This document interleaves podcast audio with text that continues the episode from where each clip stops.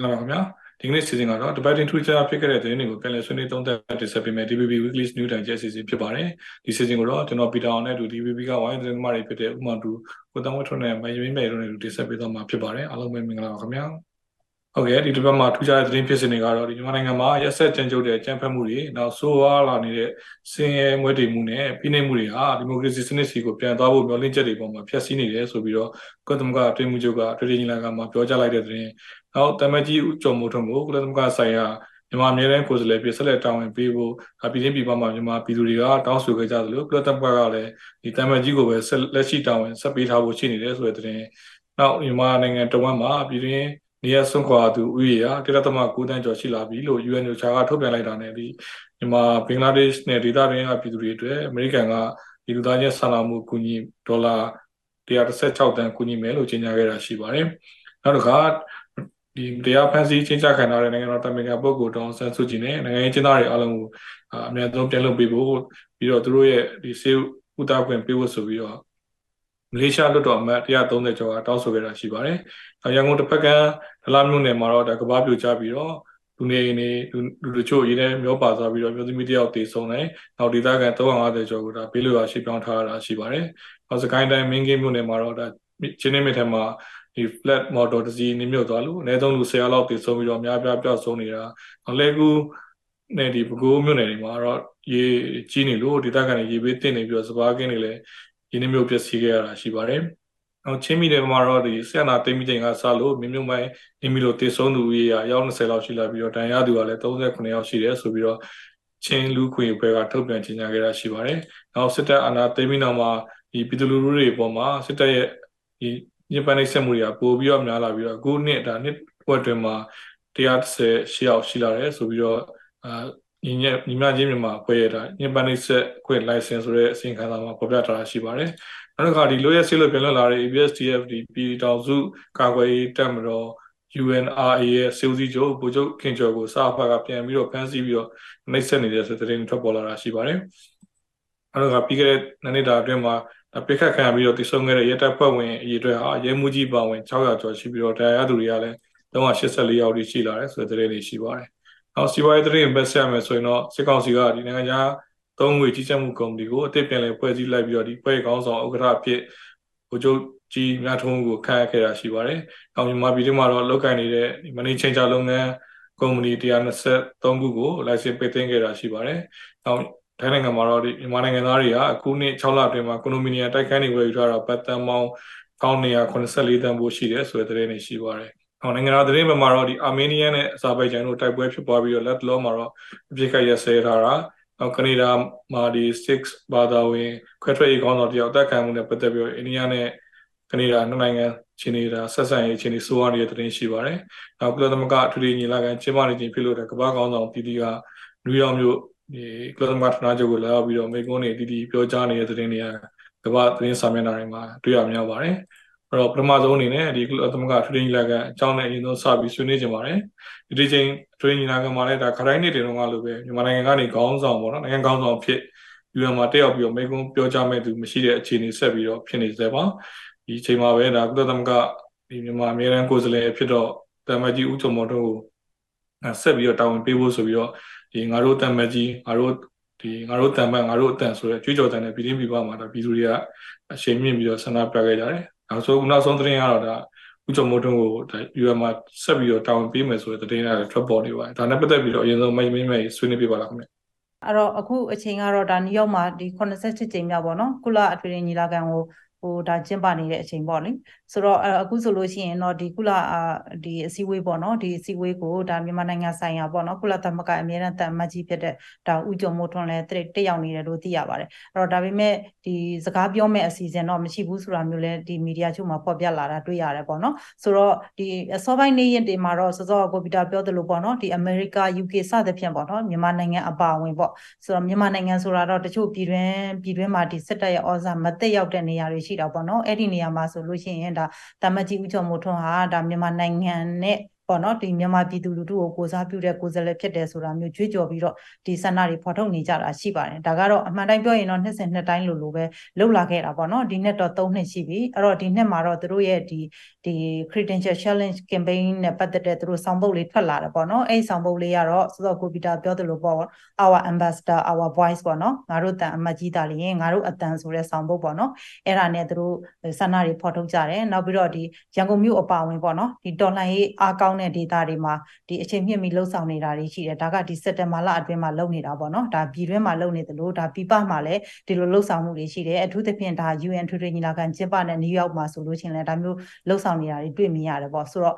ကုလသမဂ္ဂမှာဒီနိုင်ငံကိုစားပြုကိုယ်စားလှယ်ဒီစီစီကော် မတီပေါ့နော်ကျမတို့ credential committee ဆိုတာရှိတာဟုတ်ဆိုတဲ့အခါကျတော့ဒီ committee ကိုလည်းသူတို့ဒါနှစ်စဉ်စက်တင်ဘာလမှာဆိုလို့ရှိရင်အဲဒီလိုဖွဲ့စည်းတယ်ခုလိုပဲကုလသမဂ္ဂအထွေထွေညီလာခံကျင်းပနေတဲ့အချိန်မှာဖွဲ့တာပေါ့လေဖွဲ့ပြီးတော့မှသူတို့ဆုံးဖြတ်ကြတာပေါ့ဒီနှစ်မှာတော့ကျမတို့ကြားတော့ဒါစက်တင်ဘာလ9ရက်နေ့ကလေးဖွဲ့လိုက်တယ်လို့သိရတယ်အဲ့တော့စုစုပေါင်းကတော့အဖွဲ့ဝင်9နိုင်ငံပါပါတာပေါ့လေဆိုတော့တရုတ်ရုရှားအမေရိကပါဝင်ပေါ့နော်အခြားနိုင်ငံတွေရဲ့နာမည်တွေတော့သိပြီးတော့မပြောလို့တော့အဓိကကတော့ဒီကျွန်းနိုင်ငံလေးတွေပေါ့နော်အဲ့တော့ နည်းနည်းဒီအစောပိုင်းမှာထွက်လာတဲ့သတင်းကတော့ဟာလာ ဒီကျွန်ကျွန်တော်တို့ဘယ်လိုပြောမလဲဟိုအခုထိတော့ဒါကဟိုဆုံးဖြတ်ချက်မချရသေးဘူးဆိုတာမျိုးလဲကြားရတာပေါ့နော်အဲ့လိုမဆုံးဖြတ်ချက်ဆုံးဖြတ်ချက်မချရသေးတဲ့အတွက်လဲလက်ရှိအချိန်ထိပဲဒီတာမတ်ကြီးဦးကျော်မိုးထွန်းကပဲဟလာမြန်မာနိုင်ငံကိုဒီကိုစားပြုတဲ့အနေနဲ့စစ်ပြီးတော့ရှိနေမယ်ဆိုတာမျိုးကျမတို့သိရတာပေါ့နော်အဲ့တော့ဖြစ်ဖို့များတာကတော့ဒါအရင်နှစ်ကအတိုင်းပဲဆက်ထားတဲ့ပုံစံမျိုးဖြစ်ဖို့များတယ်ပေါ့နော်ဒီဒီလိုပဲသတင်းတွေကလည်းဒီလိုပဲပြင်းနေတယ်ပေါ့နော်အဲ့တော့အဲ့တော့ဦးကျော်မိုးထွန်းကိုပဲကိုယ်စားလှယ်ဖြစ်ထားမယ်ပေါ့နော်ဆိုတော့အဲအဲ့ဒါမျိုးကျမတို့သတင်းကကြားနေရတာပေါ့လေကြားနေရတဲ့အခါကျတော့ဒါကဟိုဟိုဒီနေရာမှာတခုတော့ရှိတာပေါ့နော်ဟိုဒီနိုင်ငံကိုစားပြုခွင့်ဆိုတာမျိုးဟုတ်မဟုတ်ဆိုတာတော့နည်းနည်း controversy ဖြစ်တာပေါ့ဒါပေမဲ့ UN မှာမြန်မာနိုင်ငံရဲ့ကိုယ်စားလှယ်တယောက်အနေနဲ့အဲစစ်ပြီးတော့ရှိနေမယ်ဆိုတာမျိုးပေါ့နော်ဒါကတော့အဲအဲ့လိုနားလဲရတယ်ပေါ့နော်အဲ့တော့ဒီညီလာခံနဲ့ဒီတင်ပေါ့နော်ညီလာခံနဲ့ပတ်သက်ပြီးတော့တခြားဘာတွေများထွေးစရာတွေ့ရလဲတခြားနိုင်ငံကောင်းဆောင်တွေရောဘာတွေပြောကြလဲဆိုတော့ကိုတန်းတို့ဆက်ပြီးတော့ပြပြပြပါခင်ဗျာ ဒီဒီဥကြုံမိုးထွန်းနဲ့ပတ်သက်လို့ဒီမြန်မာနိုင်ငံကိုစားပြုခွင့်ပေါ့နော်တရားဝင်ကိုစားပြုခွင့်အာဟိုဟာကိုအာပေးဒီလုံခြုံရေးကောင်စီရဲ့အမြဲတမ်းဖွဲ့ဝင်နိုင်ငံတွေတဲကအများစုကဥကြုံမထုံးဆက်ပြီးတော့ပေးပေးခြင်းတဲ့ပုံစံမျိုးမြင်ရပါတယ်သို့တော့ရုရှားနဲ့တရုတ်လိုမျိုးဟိုကန့်ကွက်ဖို့တာဆူနေတဲ့နိုင်ငံတွေလည်းရှိတယ်ဆိုတော့လေ ဟိုအဲ့လိုမျိုးတရားဝင်တတ်မှတ်ရခက်ခဲရှိမယ်ထင်နိုင်ငံရေးရညှိနှိုင်းဆွေးနွေးကြရအများကြီးရှိမယ်လို့ထင်တယ်အခုပြီးခဲ့တဲ့ရက်ပိုင်းကစလိုက်တဲ့ကုလသမဂ္ဂဒီထရီညီလာခံ General Assembly ဟာဒီတပတ်တာအခုကျင်းပနေတယ်နယူးယောက်မှာအစုလိုက်ပြုံလိုက်ရောက်နေကြတယ်ပေါ့လေနိုင်ငံကောင်းဆောင်140လောက်ရောက်နေတယ်လို့ကျွန်တော်တို့ကြားရတယ်140ပတ်ချာလောက်ရှိမယ်အဲတော့ထူးခြားတာက တရုတ်ကမလာဘူးရုရှားခေါင်းဆောင်မလာဘူးပူတင်မလာဘူးပေါ့လေရှီကျင်းဖျင်လည်းမလာဘူးရှီကျင်းဖျင်ကလည်းသူစီမှာကာကွယ်ရေးဝန်ကြီးအာလုတ်ပြုတ်သလားမသိဘူးဖြုတ်သလားသုံးပတ်လောက်ပျောက်နေတယ်ဆိုတော့လည်းကျွန်တော်တို့တွေ့ရတယ်အဲ့တော့ပြန်ပြောရရင်ထူထူညီလာခံမှာ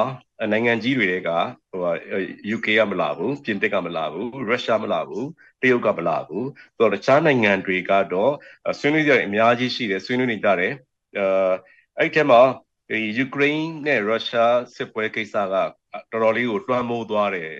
ဖြစ်စဉ်အပေါ်မှာလည်းတချို့နိုင်ငံတွေကနည်းနည်းမကြေမလဲဖြစ်တယ်နောက်ပြီးတော့ဒီကုလသမဂ္ဂဟိုနဲ့ပတ်သက်ပြီးတော့နော်ကုလသမဂ္ဂဒီထရီညီလာခံနဲ့ပြန်ပြောရရင်ထရီညီလာခံစဖွင့်ဖွင့်ချင်းမှကိုပဲအဲထရီထရီတွင်းမှုချုပ်ဂူတာရက်စ်ပေါ့နော်ဂူတာရက်စ်ပြောတာကကုလသမဂ္ဂဆိုတဲ့ဟိုကဘာကြီးကနှချမ်းကွဲနေတယ်လုံခြုံရေးကောင်စီကအစပေါ့ကုလသမဂ္ဂရဲ့ငကိုပြီးခဲ့တဲ့လုံခဲ့တဲ့88ခု နှစ်ပေါ့နော်ဒီဒုတိယကမ္ဘာစစ်ကာလကကမ္ဘာကြီးရဲ့ငြိမ်းချမ်းရေးနဲ့လုံခြုံရေးအတွက်ဒီဖွဲ့စည်းကိုဖွဲ့စည်းတာအခုတော့ငြိမ်းချမ်းရေးနဲ့လုံခြုံရေးအတွက်ဘာမှတာဝန်မယူနိုင်တဲ့အခြေအနေဖြစ်နေတယ် reform တော့မလားပြုပြင်ပြောင်းလဲမလားဒါမှမဟုတ် rapture ပေါ့နော်ပြစ်ပြစ်ပလိုက်တော့မလားပေါ့နော်အဲအဲ့လိုမျိုးပြောစရာတွေဖြစ်နေတဲ့အကြောင်းအခုကမ္ဘာကြီးမှာတဲ့ဒီတဘာပတ်ဝန်းကျင်ပြဿနာတွေတော်တော်ရေးကြီးနေတယ်အဆောင်ရောက်ရာသီဥတွေတော်တော်ရေးကြီးနေတယ်ပြီးတော့ AI လိုမျိုးเนาะအသိကွန်ပျူတာအသိဉာဏ်တို့ကိစ္စတွေ ဟို challenge တွေကပိုများလာတယ်ပေါ့နော်အဲ challenge ဟိုချိန်ချောက်နေတာတွေကပိုများလာနေတယ်ဒါပေမဲ့ဟိုဆုံးဖြတ်ချက်တွေက minimum ဖြစ်နေတယ်ပေါ့နော်ပြဿနာတွေက danger တွေက maximum ဖြစ်နေတယ်ဆိုပြီးတော့ तू အဲ့လိုကြပြဆန်းဆန်း तू ပြောတာပေါ့လေနော်ကဘာကြီးကကျွန်တော်တို့ကဘာကြီးကလူသားတွေကဆိုလို့ရှိရင်ဒီကျွန်တော်တို့က open the gates to the hell ပေါ့နော်ဒီငရဲပြည်ကိုသွားဖို့ဟိုတကားတွေတော့ဖွင့်ပြီးသွားပြီဆိုတာမျိုးတွေလည်းပြောတယ်နော်အဲ့တော့ဒီ ကုလသမဂ္ဂထွေထွေညီလာခံမှာတော်တော်လေးကိုဟိုအားမလို့အားမရဖြစ်နေတာဒီ train train မှုချုပ်ရဲ့အဖွင့်မိန်ကုန်းမှာကြီးလိုက်လို့ရှင်တော်တော်လေးသိတာပါတယ်ကုလသမဂ္ဂကျွန်တော်တို့မြန်မာနိုင်ငံအတွက်လည်းဟိုအားကိုးရဖို့တိတ်မလွယ်တဲ့ပုံစံမြင်ရတာပေါ့လေခုတင်ဘက်ကဒါ2000ခွန်တန်ခါရေးကင်းပေါ့နော်16နှစ်ပြည့်တဲ့အချိန်ခါလည်းဖြစ်ပါတယ်ဒါရွှေအောင်ဒေါ်လာရင်းနဲ့အခုဒါနွေဦးဒေါ်လာရင်းမှာတန်ခါတော်တွေရဲ့ပါဝင်မှုခန်းခါနဲ့ပတ်သက်ပြီးတော့ဒါ ဥမတူရဲ့သုံးသက်ဆွေးနွေးချက်လည်းကျွန်တော်တို့နားဆင်နေပါတယ်ခင်ဗျာပြောပြပေးပါဦးခင်ဗျာဟုတ်ကဲ့ပါခင်ဗျာဆိုတော့ပြီးခဲ့တဲ့စက်တင်ဘာ18ရက်ပေါ့နော်စက်တင်ဘာ18ရက်ကဟိုဟိုတုန်းကခင်ညွန့်တို့တန်းရွှေတို့နဝတနာဖာအာနာသိန်းနဲ့ရက်လည်းဖြစ်တာပေါ့ဖြစ်တော့အာနာသိန်းနဲ့ပွဲတွေလည်းလုပ်ကြတယ်လုပ်ကြတော့ဒီနေ့မှာပဲစက်တင်ဘာ18မှာပဲဒါရွှေအောင်ဒေါ်လာရေးပတ်တာနဲ့ကုန်စကန်ဆောင်တာပေါ့နော်အဲဒီတင်ဝင်ပြီးတော့မှဒီတပိတ်ကန်ဆောင်တယ်ဆိုတာဖြစ်လာအဲ့ဒါကြတော့လူငယ်တွေတချို့ လူငယ်တွေလည်းမိခဲ့တယ်တချို့နောက်ပိုင်းလူတွေလည်းဒီအကြောင်းကိုကနာမေးကြတာပေါ့နော်မေးကြတဲ့ခါကျတော့ဒါကိုယ်တိုင်ပါခဲ့တဲ့လူတွေအဲ့ဒီအချိန်မှာထိတွေ့ခဲ့တဲ့လူတွေကပြောကြတော့အချက်လက်တွေပါသွားတွေ့လဲဆိုတော့တန်ဃာဒုကဒီအစိုးရကိုတပိတ်မှောက်တယ်ပေါ့နော်ပတ္တနေကိုစနာကန်ဆောင်တယ်အတပိတ်မှောက်ရတဲ့အကြောင်းရင်းကလည်းဟိုတန်ဃာဒီရက်ရွာတွေမှာဒီပြည်သူလူထုကတခါတကမတွေကဆွန်းလောင်းမှာတန်ဃာတွေကဆွန်းခံပြီးစားကြတာ ခွန်းသင်္ကန်းကျောင်းဆေးဆိုတာဒါတကာတကမတွေကိုမိကိုရတာတကာတကမတွေမှာစီးပွားရေးတွေကြက်တဲလာပြီးတော့တကယ်ကိုဒုက္ခတွေရောက်လာတဲ့အနေအထားမှာတန်ဃာတွေကဒါကိုမရှုသိနိုင်လို့ပေါ့နော်ဒါတွေကိုပြုပြင်ပြောင်းလဲဖို့ဆိုပြီးတော့လုပ်ခဲ့ကြတဲ့ဒါရှူဝမ်ဒေါ်လာရင်းကြီးပါပဲ2009စက်တင်ဘာ18အဓိကရက်စွဲတွေပေါ့ဗျာစက်တင်ဘာ26ဆိုရင်ဒါဂျပန်သတင်းတောက်ကိုတတ်လိုက်တဲ့ရက်အများပြားကိုပြစ်တတ်တဲ့ရက်ပေါ့ဆိုတော့အဲ့ဒီစက်တင်ဘာ18စက်တင်ဘာ16လို့ပြောပြနေတကယ်ကြတော့ဒီဒေါ်လာရေးကတေချာပြောမယ်ဆိုရင် August စက်တင်ဘာအောက်တိုဘာဒီ3လထဲမှာဟိုတခါလဲဟို3လလုံးလုံးကြီးမှာဖြစ်ခဲ့တာတွေပေါ့နော်ဟိုစက်တင်ဘာဒီဩဂတ်ဆိုလို့ရှိရင်လည်းဒါ25ရက်နေ့ဆိုရင်လေဦးကြည်မောင်ရဲ့ဆွန့်ကျွေးမှာကျောင်းသားတွေကတခါလေလမ်းလျှောက်ကြတာရှစ်လေးလုံးကျောင်းသားတွေအဲ့ရနေစခဲ့တာပါပဲလမ်းလျှောက်တဲ့25ရက်နေ့ညမှာကိုမင်းကိုနိုင်တို့ကိုမြအေးတို့ဖမ်းခံရတယ်အဲအဲ့ဒီကနေစပြီးတော့မှတခါလေဟိုဒီ debate တွေ debate တွေပေါ့နော်ဖြစ်လာပြီးတော့နောက်ပိုင်းမှာတန်ခါဒေါ်လာရေးကြီးဖြစ်ခဲ့တာပါပဲ အဓိကကတော့လောင်စာစီဈေးတွေပေါ့နော်အခုအခုအခုဆိုရင်လည်းမမရရှိမှာပါအခုဆိုလည်းစီမံခန့်ခွဲမှုတွေကလုံးဝအောင်နားမလဲမတက်တဲ့ခါကျတော့စစ်တပ်ကတိုင်းပြည်အုပ်ချုပ်နေတဲ့ခါကျတော့ဟိုဘယ်လိုခေါ်မလဲဆိုတော့ဟိုမဲသားခုတ်တဲ့မဲသားတတ်သမားဟိုဆရာဝန်စေးကူးတယ်လို့ခွဲစိတ်ဆရာဝန်လုပ်တယ်လို့ဖြစ်တာပေါ့တိုင်းပြည်စီးပွားရေးရတကယ်ကိုကမောက်ကမတွေဖြစ်ပြီးတော့ပျက်စီးကုန်တာအခုဆိုလည်းဒါမကြခင်ပေါက်ကွဲတော့အနေထားပါအဲတုန်းကတော့ဟိုလောင်စာစီဈေးတွေက အဲ့တော့မှတ်မိသေးတယ်တော်တော်များခုံတက်သွားတာတော်များခုံတက်သွားပြီးကားကားတွေဈေးကြီးအာပြဿနာတွေတက်အဲ့ဒီမှာနေလူတူကလည်းလှုပ်လှုပ်လှုပ်ဖြစ်ပြီးတော့အဲ့ဒီကနေစခဲ့ရရာကနေပြီးတော့ဗောနော်ခြေခြေလေးလုံးကျောင်းသားတွေလမ်းလျှောက်ကြအဲ့ဒီခြေလေးလုံးကျောင်းသားတွေအကုန်ပိတ်ဖမ်းနိုင်ငံလုံးမှာဖမ်းနောက်ပိုင်းကျတော့ကျောင်းသားမျိုးဆက်ကပြတ်တယ်လို့လို့ရှိပြီအားလုံးလည်းငြိမ်တယ်လို့ဒါမှလည်းဘုန်းကြီးတွေကအဲ့မှာထခဲ့တာပေါ့ဟို18စက်တင်ဘာလို့ပြောပြီးမဲ့9ရက်စက်တင်ဘာမှာပခုံးကူမှာစပြစ်ပါတယ်ပခုံးကူမှာတန်ခါ900လမ်းလျှောက်တယ်လ မ်းလျှောက်တဲ့တန်တန်ဃာတွေကိုပခုတ်ကူကဒီဘူးဆိုရင်ပြူစောထီလို့ပြောရမှာပေါ့နော်လူမိုက်ဂိုင်းနေနှစ်တလမခင်မောင်ဝင်းခေါင်းဆောင်တဲ့လူမိုက်ဂိုင်းနေရတယ်ဘုန်းကြီးသုံးပါးကိုဖမ်းတယ်မြို့လေကောင်မှာပဲဓာတ်တိုင်မှာကျိုးချပြီးရိုက်တယ်အဲ့ရနေတနိုင်ငံလုံးကိုကူးဆက်သွားတယ်မီးပါပဲအဲ96ခွန်8အဲ့မှာပြစ်တယ်ပခုတ်ကူမှာအဲ့ရနေပြီးတော့မန္တလေးမန္တလေးတန်ဃာတွေနဲ့ရန်ကုန်နောက်ဆုံးတော့ဟိုပတ္တနေကုသနာကန်ဆောင်ပွဲဖြစ်ခဲ့တာပါပဲဆိုတော့ဒါလည်းအားလုံးသိပြီးသားပါတန်ဃာတွေပြန်တော်မူတယ်လူတွေလည်းပါလာတယ် ဟိုအရင်တော့ကတော့တန်ကောင်ပပဆက်တတ်တာတော့မရှိဘူးအဲ2000ခုမှာတက်လိုက်တဲ့အခါကျတော့စတင်မှာတက်လိုက်တဲ့အခါကျတော့ဒီကောင်တွေကဘာသာရေးပြောပြီးတော့သာသနာပြုမင်းလို့ပြောပြီးတော့ဆရာတော်တွေလည်းဘုန်းကြီးကိုကိုးကြတဲ့ဆရာတော်လည်းကိုပြန်တတ်တာပဲဆိုတဲ့ဥစ္စာနိုင်ငံလုံးခေါင်းထဲမှာအယိုးဆွဲသွားစီတဲ့တော်လန်ရေးကြီးပါပဲဟောခရစ်ယာန်တွေဘာဖြစ်တယ်မွတ်စလင်တွေဘာဖြစ်တယ်ရောက်ပြောနေရနေပြီးတော့ကိုဗုဒ္ဓဘာသာတကယ်ဆိုဆရာတော်ကြီးတွေဗျ TP တကာ DP တကာတကယ်ဟိုစာတတ်ဆရာတော်ကြီးတွေအကုန်ဖမ်းတာအကုန်လုံးသင်္ကန်းချွတ်တာ အဲ့အနေထားကိုလူလူကတိသွားတယ်ဆိုတော့နောက်ဆုံးတစ်ချက်ကတော့ပါလဲဆိုတော့ကုံစင်းလုံးတွေအရန်ကမောက်ကမဆိုဆိုဝါကြီးမြင့်နေဆိုရင်လူလူကမကျင်တတ်ဘူးအကြောက်တရားကဘိုက်ဘိုက်စားတယ်ဗောနော်ဝမ်းရေးကိုဟိုမကြည့်တော့ချကုန်ကြတာပဲအဲ့ကကြတော့အဒီဒေါ်လာကြီးပေါ်လာပါတယ်တန်ဃာရဲ့နောက်မှာပြည်သူတွေလိုက်လာတယ်ကျောင်းသားသမဂ္ဂတွေပြန်ပေါ်လာတယ်ရင်းဌာနတွေအရှိန်မြင့်လာတယ်ဗောနော်ဒီနေ့လည်းဒီလိုပဲနေကုန်းချိုးရရင်တော့ဒီနေ့လည်းတော်တော်ဆိုးနေပြီတော့ဒီကုံစင်းနှုံးနဲ့စာဝတ်နေရေးကိစ္စတစ်ခုနဲ့တော့ ဒီစစ်ကောင်စီကဒီဒုက္ခရောက်မယ်သူတို့ပြုတ်ကြမယ်ဆိုတဲ့အနေထားအဲ့လိုသုံးသပ်လို့ရပါတယ်ခင်ဗျဟုတ်ကဲ့ပါဥပမာတို့ဒါပြောပြောသလိုပေါ့နော်လက်ရှိဒါဆေးအနာသိမ်းထားလဲဒါနှစ်နှစ်ကြာတဲ့အချိန်မှာတိုင်းပြည်စီးပွားရေးကလည်းဒါကြွချုံကြပြီးတော့ကုန်စည်နှုန်းတွေကလည်းဒါဒီအခြေခံစားသောက်ကုန်တွေရောဒေါ်လာဈေးစီစီစသဖြင့်ပေါ့နော်အားလုံးကရရ ဒီတစ်ချိန်လုံးမြင့်တက်နေတာပေါ့အဲ့တော့ဒါပေမဲ့ဒီချိန်မှာပဲဒီမှာဒီစစ်အာဏာသိမ်းအုပ်စုထဲမှာတော့ဒါဒေါ်လာဈေးနဲ့စောင်းစီတွေကိုအကြောင်းပြုပြီးတော့ဒီအချင်းပြတ်ချစားဒီအာဂရိလိုက်စားပြီးတော့ကိုကျိုးရှာနေတာမှာဒါဝေစုမတဲ့ဒီဆိုပြီးတော့ဒါစစ်တပ်ထိတ်တန့်ကောင်းဆောင်တချို့ပေါ့နော်။နေပြီးကုန်တယ်တွေလည်းဒါဖက်စီစစ်စစ်ခံနေတာဆိုတဲ့တဲ့လည်းဖတ်ပေါ်နေပါတယ်။ဒါနဲ့ပတ်သက်ပြီးတော့တိတာတိတာတော့ပေါ့နော်။မင်းမင်းလေးလည်းပြပြပြပါဦးခင်ဗျာ။ ဟုတ်ကဲ့ကိုဗီဒါအဲ့တော့အခုကိစ္စကတော့ဒါဒုတိယဗိုလ်ချုပ်ဗိုလ်ချုပ်ကြီးမိုးမြင့်ထွန်းရဲ့အတိလက်ပေးလက်ယုံမှုကိစ္စပေါ့နော်အဲ့တော့နောက်ဆုံးသတင်းတွေအရဆိုလို့ရှိရင်တော့ဖန်စီစစ်ဆေးခံနေရတယ်လို့ဟာလာယာတုကလည်းဖယ်ရှားခံထားရတယ်လို့ကြားရတာပေါ့လေအဲ့တော့သူနဲ့အတူအခြားသောစီးပွားရေးလုပ်ငန်းရှင်တွေဟာလာဘန်တတိကြီးတွေနောက်ပြီးတော့ဥပိုင်ကထိပ်ပိုင်းကောင်းဆောင်တွေကအစပေါ့နော်ခေါ်ယူစစ်ဆေးခံနေရတယ်ဆိုတာမျိုးလည်းကြားရတာပေါ့နော်အဲ့တော့ဖန်တဲ့ကိစ္စမှာဆိုလို့ရှိရင်တော့ဒီဒုတိယဗိုလ်ချုပ်ကြီးမိုးမြင့်ထွန်းရဲ့ နဲ့ဟာလာအဓိကနာမကြီးသွားတဲ့အပိုင်းပေါ့နော်အဲ့ဒါကတော့ဟာလာတစ်ခါတွေ့ခွင့်ရဖို့ဆိုရင်ဟာလာဒေါ်လာ2000ပေးရတယ်ဟာလာအရက်ကလည်း doubling ပေးရတယ်အဲ့ရက်ကဘလို့ရက်လဲဆိုလို့အခါကျတော့လူဝက်13လို့ပေါ့နော် doubling ကိုဒေါ်လာ4000လောက်ပေးရတဲ့အရက်မျိုးဆိုပြီးတော့ဟာလာသတင်းတွေထွက်ပေါ်တယ်ပေါ့နော်ဒါကတော့ဒါစီးပွားရေးသမားတွေစီကနေပြီးတော့ပြန်ပြီးတော့ထွက်လာတဲ့သတင်းတွေကိုဒါမီဒီယာမှာဖော်ပြကြတာပေါ့လေအဲ့တော့သူ့ကိုမဖမ်းခင်ပေါ့နော်ပထမဆုံးဖမ်းတာကတော့သူ့ရဲ့လက်အောက်မှာလုံနေတယ်ပေါ့နော်ဗိုလ်ချုပ်ရန်အောင်ဆိုဆိုတာကိုအရင်ဆုံးဖမ်းလိုက်တယ်ပေါ့နော်အဲ့တော့အာအခုတော့သူကဒါအစိုးရတက်တက်ဖြစ်သွားပြီလို့လည်းကျမတို့ကြားတယ်ပေါ့နော်ဆိုအမှန်တိုင်းဆိုလို့ရှိရင်တော့အာသူအခုအဖမ်းခံရတယ်ပေါ့နော်ဒုတိယဗိုလ်ချုပ်ကြီးမိုးမြင့်ထွန်းကဒီတော်တော်လေးတော့သူကအတွင်းစည်းထဲမှာရှိနေတဲ့လူမျိုးလို့ပြောမှာပေါ့နော်ပြောရရင်ညာလက်ယုံလို့တောင်ပြောလို့ရတယ်ပေါ့ဟလာစက်ကောင်စီကိုဖွဲ့စည်းတုန်းကလည်းသူကနံပါတ်9အနေထားလောက်မှာရှိတယ်ဆိုတော့ဒါကအဲသူကဒီဒီနောက်နောက်တစ်ခုကသူကဒါကြီးတက်ရဲ့စစ်ဦးစီးအရာရှိချုပ်လည်းဖြစ်တယ်ပေါ့လေဆိုတော့နောက်တစ်ခုကဒါဟိုသမရဦးဝင်းမြင့်အိမ်ကိုဝင်ပြီးတော့စီးတဲ့ထဲမှာလည်းပါတယ်ဆိုပြီးတော့ဒါအခုမီဒီယာတွေမှာဖော်ပြလာကြတွေ့တယ်ပေါ့လေဆိုတဲ့အခါကျတော့ဟလာပြောလို့ရှိရင်တော့ဒီဒီမိုကရေစီစနစ်ကနေပြီးတော့အာဏာရှင်အဲစနစ်ဖြစ်မြောက်ရေးအတွက်ဒါနာမည်ပြခံပြီးတော့ဒါလူတို့ရဲ့နှလုံးသားနဲ့ဆန့်ကျင်ပြီးတော့လုပ်ခဲ့တဲ့သူတွေလို့ပြောရမှာပေါ့နော်စိတ်ပါလားမပါလားဆိုတာတော့သူတို့ကိုယ်တိုင်ပဲသိမယ်ပေါ့နော်ဆိုတော့ဒီလိုလုပ်ခဲ့တဲ့အတွက်လဲကျမထင်တာတော့အခွင့်အရေးတွေရခဲ့တယ်ပေါ့လေနောက်ပိုင်းမှာဆိုရင်ဒါအခု ဒီကဥမာဆိုရင်သူကဒါကုံစီစည်းစင်းမှုပေါ့နော်မှန်ကန်မြန်ဆိုင်ရေးကော်မတီရဲ့ဥက္ကဋ္ဌဖြစ်တယ်ဟလာဒီအဖွဲ့ကဒါဒါ MIC ပေါ့နော်မြန်မာနိုင်ငံရင်းနှီးမြှုပ်နှံမှုကော်မရှင်ကအဖွဲ့ဖြစ်တယ်အဲ့တော့သူရှိမှာတော့ဒါပါပါလဲဆိုတော့နိုင်ငံနိုင်ငံခြားသုံးငွေကြီးကြပ်မှုကော်မတီဆိုတာလည်းပါသေးတယ်ဆိုတဲ့အခါကျတော့အခုကလည်းဒီဒေါ်လာရှားပါနေတဲ့အချိန်ဆိုတဲ့အခါကျတော့ဒီနေရာကတော့အမှန်တိုင်းပြောမယ်ဆိုလို့ရှိရင်တော့နေရာကောင်းတစ်ခုပေါ့ဗျာ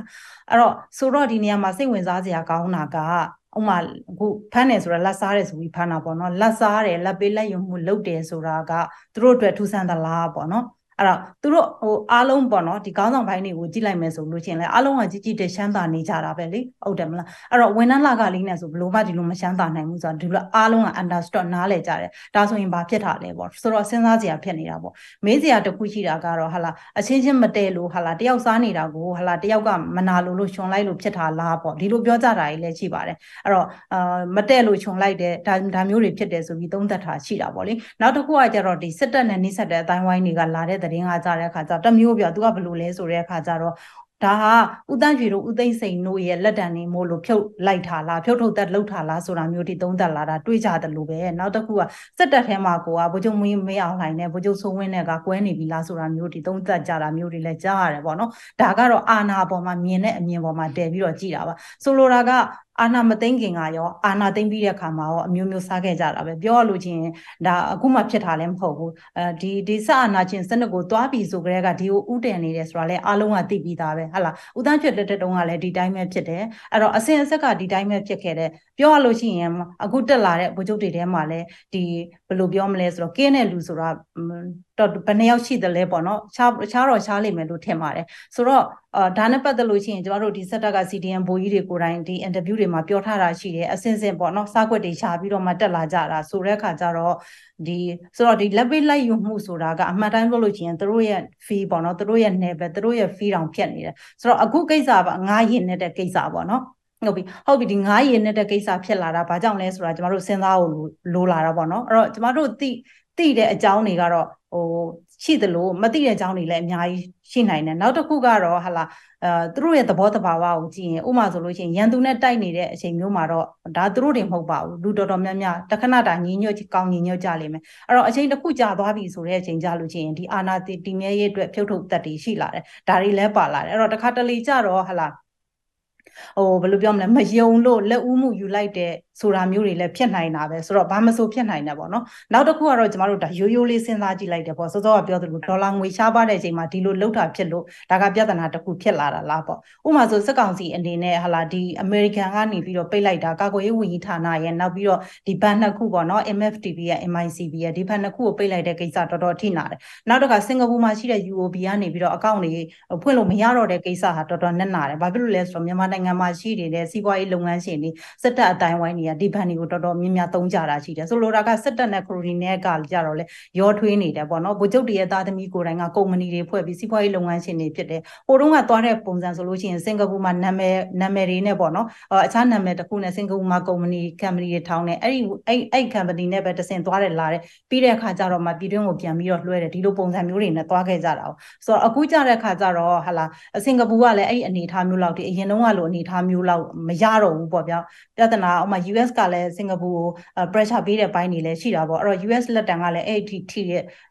ထိလာတဲ့အခါမှာစင်ကာပူကတော့အမှန်တိုင်းပြောရင်ပွဲစားနိုင်ငံဆိုတော့ပွဲစားကျင်နဲ့လှုပ်ရှင်ကြတာပေါ့နော်နောက်ဆုံးမှာအစိုးရဘယ်လောက်ပဲဟန်တာဟန်တာ private sector စီးပွားရေးလုပ်ငန်းရှင်တွေကလည်းလှုပ်ရှင်ကြတာပဲပတ်စံရမယ်ဆိုအကုန်လှုပ်ရှင်ကြတာပေါ့ဒါပေမဲ့နောက်ပိုင်းမှာပိုက်စိတ်တိုက်လိုက်လိုက်လာတဲ့အခါတော့လှုပ်လို့မရတော့တဲ့အပိုင်းမှာတိုင်းပြည်ရဲ့စီးပွားရေးကလည်းတော်တော်အာကြရက်ထနေတယ်ပေါ့နော်အခုနောက်ပိုင်းဒီ Russia နဲ့ MIR system လုပ်မယ်ဆိုပြီးတော့ဟလာ Russia financial platform ကိုသုံးမယ်ဆိုတာမျိုးထိတောင်ဖြစ်လာခဲ့ကြတယ်ဆိုတော့စီးပွားရေးရတော်တော်အကျက်ရိုက်နေတယ်အဲ့လိုအကျက်ရိုက်နေတဲ့အချိန်ခါမှာဟလာဒီလိုဒေါ်လာတွေအများကြီးယူတယ်ပေါ့အမှစီးပွားရေးလုပ်ငန်းရှင်တယောက်ကကြီးက2000ဆိုလို့ရှိရင်နောက်10ရောက်ဆိုလို့ရှိရင်2သိန်းဖြစ်မယ်အယောက်တရာဆိုတန်းနဲ့ရှိသွားမယ်ပေါ့နော်ဆိုတော့ဒီလိုဒီလိုခါတွေဖြစ်နေလို့ဒီလိုလှုပ်ထားလားဆိုတာ